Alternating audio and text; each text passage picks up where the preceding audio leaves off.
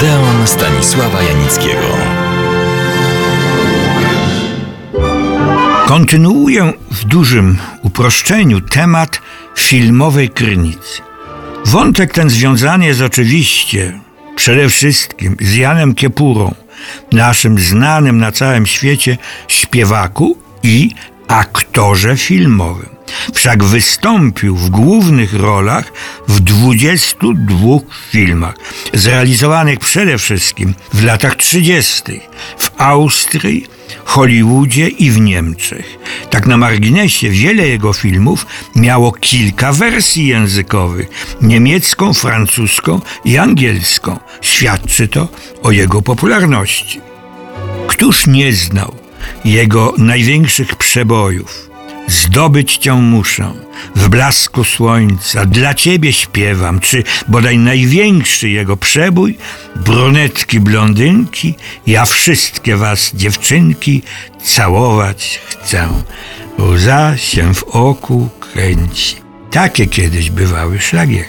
Jan Kiepura był samorodnym talentem, ale szlifował swój talent nieustannie.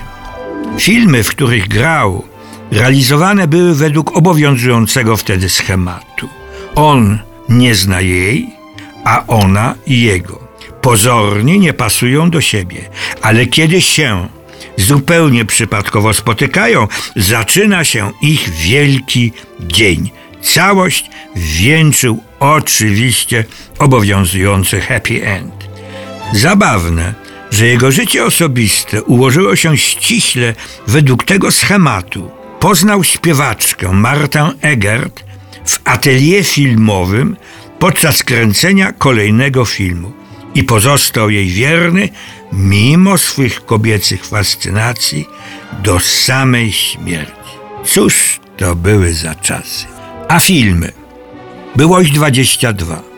Między innymi Śpiewające miasto, kraina uśmiechu, pieśń nocy, kocham wszystkie kobiety, moje serce woła ciebie, wals brillant. Te filmy, to co powiem zaraz, nie jest złośliwe, ale pogodne i mówię to z uśmiechem. Otóż kino amerykańskie zaczynało się, jeszcze Hollywoodu wtedy nie było, od dwóch gatunków: zwariowanych komedii slapstickowych i filmów kowbojskich. Najsławniejszymi filmowymi kowbojami byli Broncho Billy, czyli Gilbert Anderson, Tom Mix i Williams Hart. Kiedyś zapytano Gilberta Andersena, Broncho Billego, jak oni to robią, że kręcą co tydzień co najmniej jeden film. Odpowiedź brzmiała – bo my nie zmieniamy scenariusze, tylko konie. W przypadku filmów z Janem Kiepurą nie zmieniano scenariuszy ani, przepraszam, koni. Kiepura był najważniejszy i jemu było wszystko podporządkowane. I to wystarczy. Wróćmy do filmowej Krynicy. Ma ona wspaniałą pamiątkę po Janie Kiepurze, który Krynicę ukochał. Willem Patria budowę której sfinansował bagatela 160 tysięcy dolarów, dawnych, więc możemy ją wielokrotnie pomnożyć.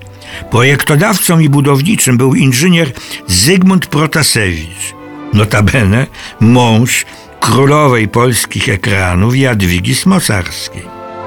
Architektem Bogdan Pniewski, jeden z najlepszych polskich architektów, zarówno przed, jak i po wojnie, reprezentujący styl modernistyczny. Jego dzieła jest ich wiele. Monumentalny gmach sądów grodzkich, obecnie przy Alei Solidarności w Warszawie. A po wojnie budynek Ministerstwa Komunikacji przy ulicy Chałubińskiego, dom chłopa i budynek NBP, oba na Placu Powstańców. Oraz, co bardzo ważne, odbudowa i przebudowa gmachu Teatru Wielkiego. Budowa willi Patria trwała ponad rok. W 1933 roku, w czasie Bożego Narodzenia, oddana została do użytku. Bywali tu wybitni artyści, politycy, właściciele ziemscy, naukowcy, senatorowie, zagraniczni książęta. Patria była, to stwierdzali wszyscy, którzy tu bywali, najnowocześniejszym hotelem krynickim w stylu alpejskim. Co to znaczy? Obrotowe drzwi wejściowe, centralne ogrzewanie w całym budynku, w każdym pokoju radioodbiornik, toaleta i łazienka z ciepłą i zimną wodą. W budynku były sala balowa, restauracja i koktajl bar oraz basen. Hol i recepcję wyłożono marmurem i alabastrem. Gdyby tego było za mało, na dachu znajdował się taras widokowy, a przy budynku znajdowały się korty tenisowe. Jan Kiepura z żoną bywali tu dosyć często. Hotelem zarządzali rodzice Jana Kiepury.